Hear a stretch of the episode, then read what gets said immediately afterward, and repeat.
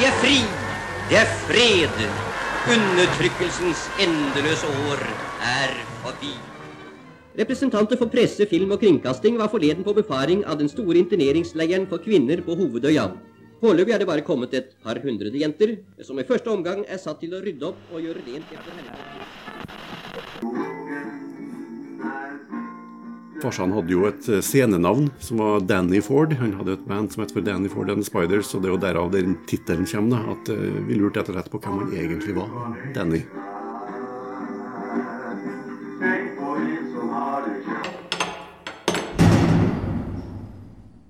Velkommen til celle 11. Jeg heter Kristine Eriksen, og med meg har jeg Eva Fusje. Og eh, siden sist gang så har jo vi hørt den utrolige historien til Mats og Brynhild, og hvordan de jobba med slektsforskningen. Og vi fikk høre den utrolige historien til eh, Tamar. Hva syns du om historien til Tamar, Eva? Jeg syns den er veldig sterk. Altså, der har du ei ung jente som ikke har familie. Og hun strever og jobber for oppholdet. Og så treffer hun drømmeprinsen, altså en eh, tysk offiser. Og um, jeg er så stolt. Det virka veldig sånn, Hun var veldig stolt av han. Og så blir hun eh, gravid. Og så da er ikke det like kjekt lenger, og han vil ikke ha henne lenger. Og da blir det veldig, veldig sørgelig alt sammen. Og så er det utrolig fascinerende hvor mye arbeid det er for Mats og Brynhild å finne ut hva var det som egentlig skjedde med deg? Og så det her lebensbårene, da. Tenk at vi hadde noe sånt her i Trondheim. Ja, og tenk, jeg har bodd her nå seks år, og jeg har aldri visst at Jeg har hørt om levensbåren, men jeg har aldri tenkt over at det var en sånn fysisk sted her i Trondheim. Nei, og det er liksom ti minutter å gå. Mm. Så er det det. Et stort, flott hus. Og med ekte tidsvitne. Ja, tenk da. 93 var det det hun var. Og hun var jo så klar. Og hun huska det. Det hørtes ut som det var noe som skjedde forrige uke. Mm. Eh, og i denne episoden så skal vi høre videre historien til Tamar, hva som skjer med henne. Hvordan det går med Plonus også, da. Og hvordan Dannys liv utarter seg. Ja, for det også er jo litt av historie. Ja, Danny har også levd litt av et liv.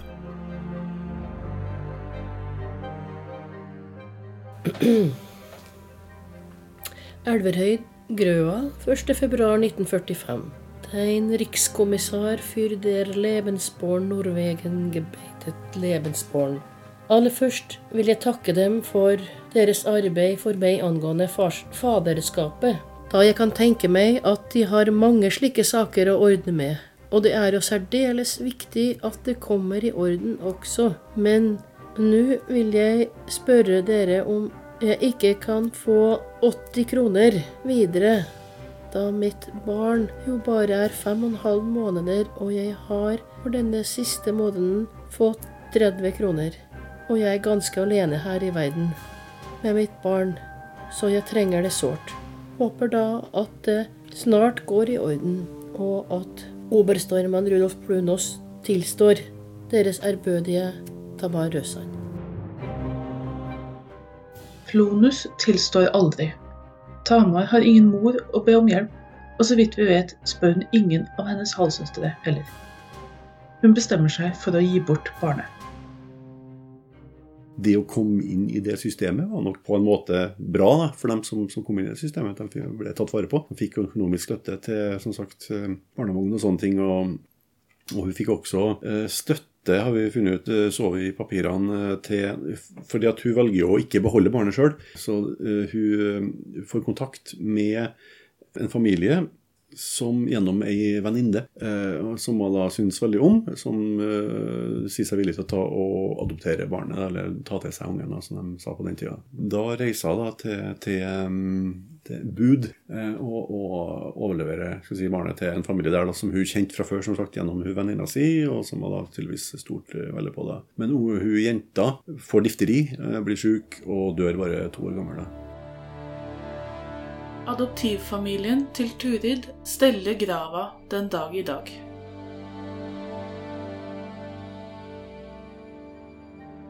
Det kan virke som om historien til Tamar og Rudolf Plonus nå er ferdig. Men hva med Danny? I 1945 bryter freden løs, og Tamar får seg jobb i nærheten av en interneringsleir for tyske soldater. Der sitter Rudolf Blonus.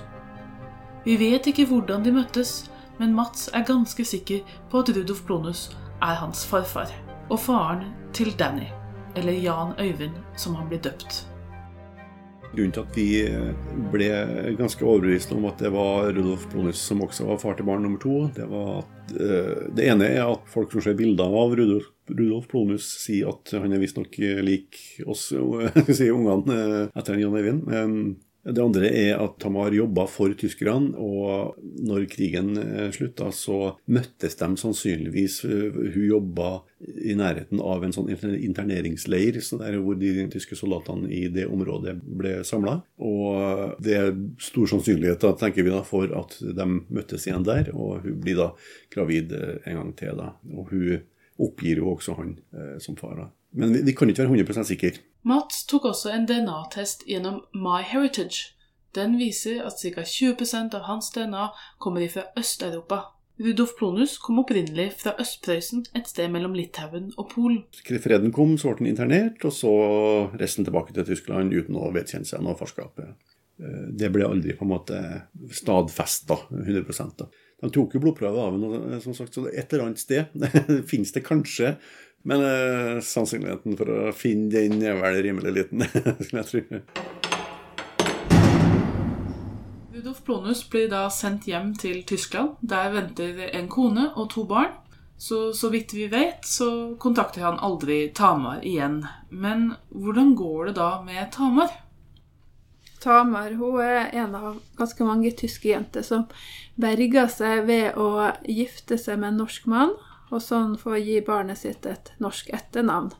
Så hun gifta seg ganske fort med Oskar Gøransson. Ja, Oskar Gøransson er altså den personen som Mats opprinnelig fant ut at han ikke var i slekt med, gjennom DNA-test med broren da, til Oskar Gøransson. Men dette her med tyskerjenter, det er jo et ganske stort fenomen. Ja, hva om vi tar og ringer til Kåre Olsen? Kåre Olsen er historiker og har bl.a. skrevet boken 'Krigens barn de norske krigsbarna og deres mødre'. I Grunnloven så står det vel at ingen skal straffes uten dom, og ingen skal dømmes uten lov. Ehm, men når det gjelder tyskerjentene, for å bruke det begrepet, så var det mange av de som ble straffa uten lov og dom. Så de ble straffa på ulike vis. De, noen ble internert med vikarierende argumenter. De ble satt inn, og da ble det brukt, uh, brukt hjemler ifra, som var vedtatt under krigen i London om som beskyttelsesanordning. At, at norske borgere kunne interneres dersom det var fare for at de ble utsatt for lunsjing, si, etter krigens slutt. Det var for å hindre at at, eh, at, folk flest skulle ta loven i egne hender overfor eh, NS-folk osv. Men her, den ble altså da brukt til å internere tyskerjenter. Selv om det skjedde Det kunne skje flere måneder, kanskje nærmere et halvt år etter krigens slutt. Og da kvinner som oppga at ja, men jeg har det jo greit, det er ingen som plager meg nå. Likevel så ble de satt på Hodøya og andre andre steder. Og en annen sånn hjemmel det var smitteanordning, altså for å hindre spredning av kjønnssykdom. Og det, noen tilfeller så hadde de nok, eh, var det nok grunn til det, men eh, i mange tilfeller så synes det som det, det ble nytta som en vikarierende argument, bare for å straffe dem. En annen gruppe det var de som gifta seg med sine tyske kjærester. Og der vedtok regjeringa i august 1945 en endring i statsborgerloven. Eh, det var slik i den gjeldende loven at, eh, at norske kvinner som gifta seg med utenlandske menn, de mista da sitt norske statsborgerskap. Men det punktet det trådte ikke i kraft før kvinner eventuelt forlot Norge. Hvis hun ble værende i Norge etter å ha gifta seg, så var hun fortsatt norsk borger. Men ellers så ble jo kvinner regnet som et vedheng til sin mann på den tida i lovgivninga.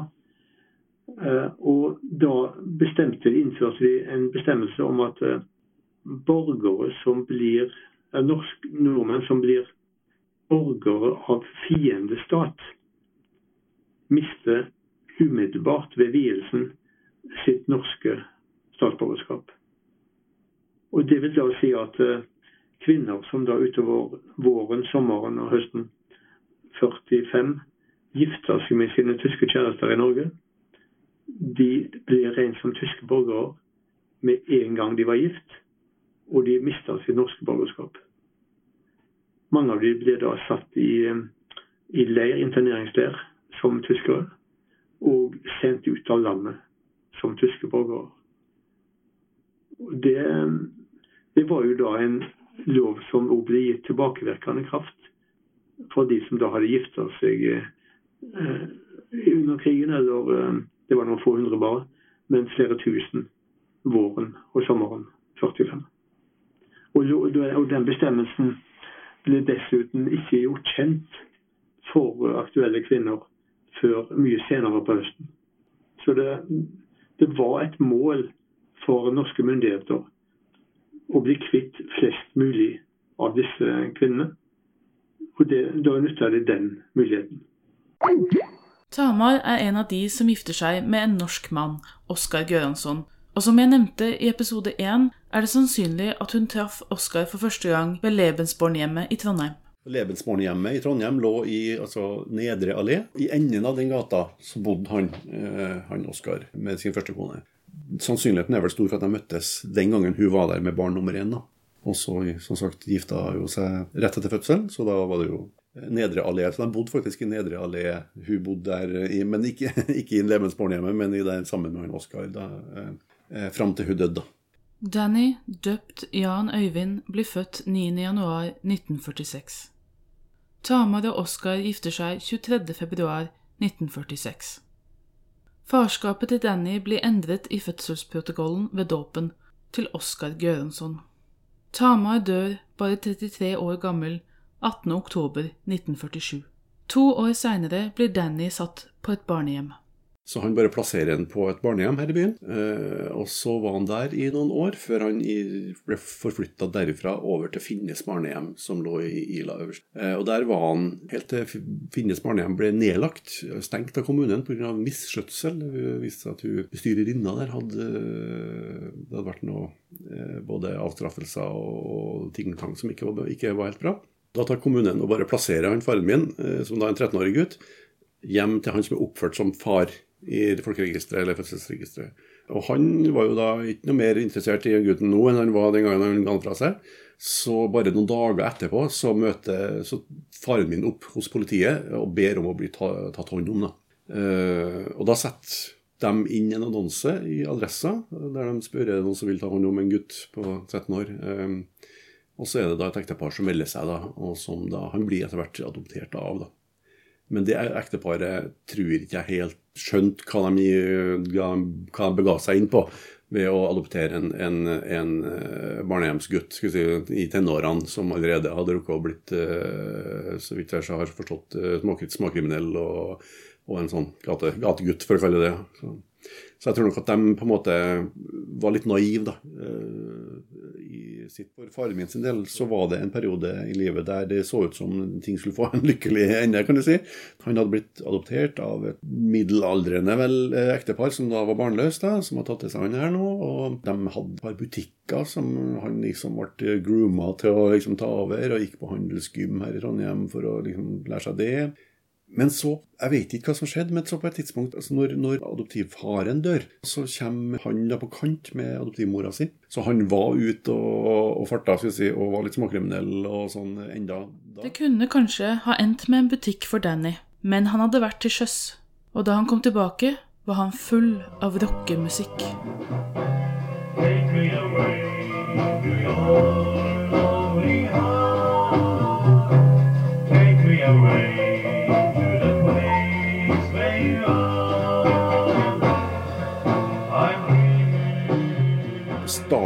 60-tallet så var det sånn at eh, det var Shadows som var det store. Og da trengte man ikke en vokalist. Da var det liksom viktigst å spille gitar og, og spille musikk sånn som Shadows gjorde. Men så kom Beatles, som hadde sånn tydelig sang og vokal og, og frontfigur. De forteller da at uh, farsan ble med i, i, det bandet. Uh, det var en av de gamle bandkompisene hennes som sa at uh, det var artig å spille med far din, men det var han som måtte være sjefen, ellers ble han sur. så jeg tror han, han, tok ganske stor plass på flere vis, tror jeg.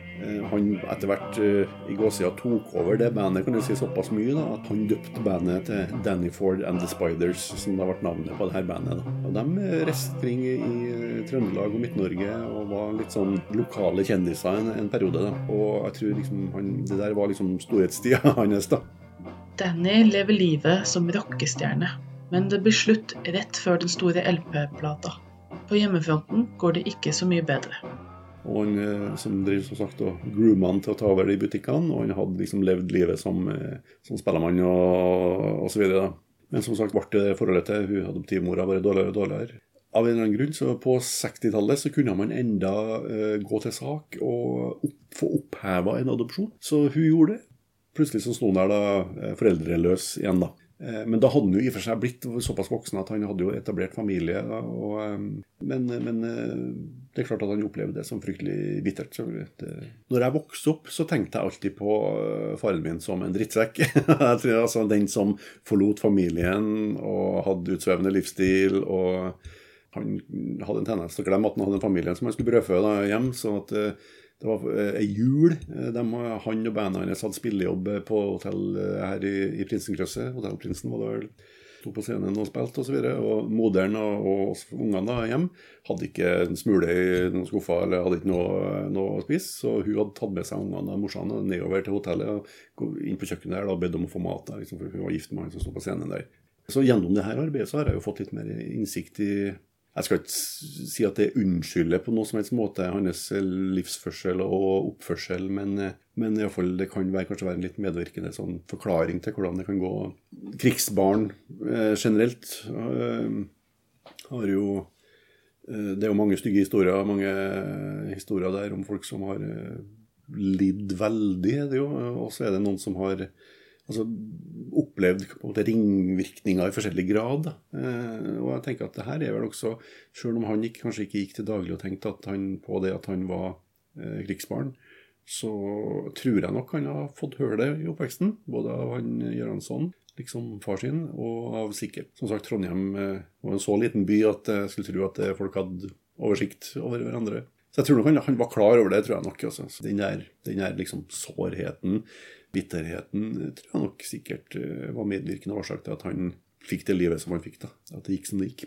Danny Ford, eller Jan Øyvind, dør i 1980, bare 33 år gammel. Hvis det er regn i studio, så er det bare fordi det regner noe ja, Så inni hampen Altså, det er desember, og det skulle være snø, og skulle være ute og lage snømann og gå på ski. Isteden så sitter vi her og hører på regnet. Mm. Og det er litt trist, altså. Mats sier jo sjøl at han ikke opplevde det her som uh, veldig sjokkerende. Han hadde ingen reaksjoner i, uh, i sin nære familie. Det var liksom et slags detektivarbeid, da. Umiddelbart så ble jeg veldig overraska over at han sa det. For jeg hadde tatt det som en sjølfølge at alle som var etterkommere av, av, av krigsbarn, de ville synes det var skammelig, eller at det, det var litt sånn trist. Så det var egentlig veldig godt å høre at det, han så det mer som spennende. Ja, det, det, viser jo at vi har kommet uh, såpass uh, ned i generasjonene nå at nå er det en hel annen, et helt annet forhold til, uh, til temaet. Og de som eh, driver med slektsforskning, de driver jo mer sånn på tippoldemor- og far-stadiet. Eh, så det var noe med at han visste ikke det helt basale. Og så var det også hvor vanskelig det var. Man skulle jo tro at som eh, arving så var det lett å få tilgang på arkiver. Og så møtte han så mange stengte dører, og så måtte han jobbe så hardt og så målretta over lang, lang tid. Har du noe råd kanskje til andre som skal bi seg ut på et sånn her type prosjekt? Uh, utover å skaffe seg en egen eh, detektiv, da. Den ene er jo i hvert fall å ikke gi opp. altså at vi, vi, I de permene her så er det mange søknader og mange avslag. Prøv liksom alle, alle veier. Eh, og søk og søk og klag og, og anke og søk igjen. Og plutselig så, så får du tilslag, eller hva skal kalle det. Eh, og... Det som eh, er veldig interessant, det er at tyskjentene de ble behandla veldig dårlig av myndighetene. Det kan man jo enkelt si.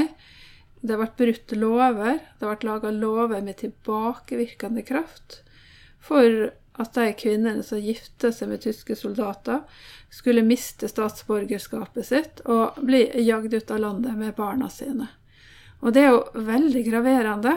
Og det var jo ingen andre grupper i samfunnet som, ble, som fikk den skjebnen etter krigen. Og så Derfor syns jeg det egentlig er rart at den unnskyldninga ikke kom før 2018. Det er veldig seint. Men uh, høsten 2018, da satt jo Erna veldig høytidelig og las opp en unnskyldning som jeg syns hadde en veldig god ordlyd. På et arrangement i forbindelse med menneskerettserklæringens 70-årsjubileum sa Erna Solberg bl.a.: Vi har sett på ny på hvordan myndighetene levde opp til sine forpliktelser som rettsstat. Vår konklusjon er at norske myndigheter brøt med rettsstatens grunnprinsipp om at ingen borger skal straffes uten dom eller dømmes uten lov. Med dette grunnlaget vil jeg i dag på vegne av regjeringen si unnskyld for måten norske myndigheter gikk frem på og behandlet jenter og kvinner som hadde en relasjon til tyske soldater under andre verdenskrig. Det har tatt lang tid for denne unnskyldningen å komme på plass. Men altså, samtidig så har jeg tenkt en del på det, for nå har jeg hørt den ganske mange ganger. Eh, at det er veldig bra at den kom. Altså, den kom jo for seint, men den kom tross alt.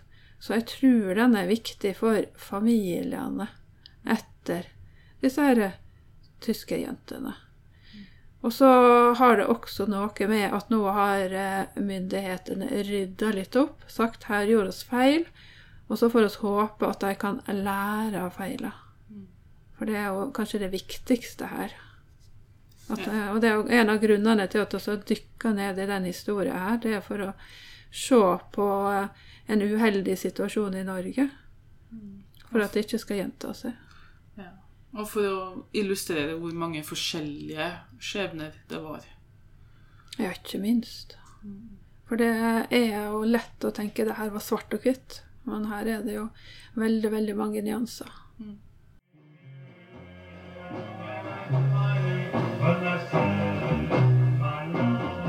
Og Brynhild har lagt ut hele historien om Danny og Tamar på nett.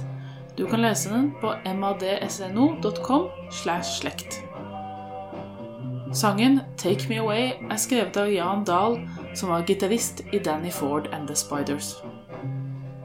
Celle 11 er produsert av Kristine Eriksen og Eva Furseth. Ønsker du å vite mer, gå inn på justismuseet.no, eller følg Celle 11 på Facebook.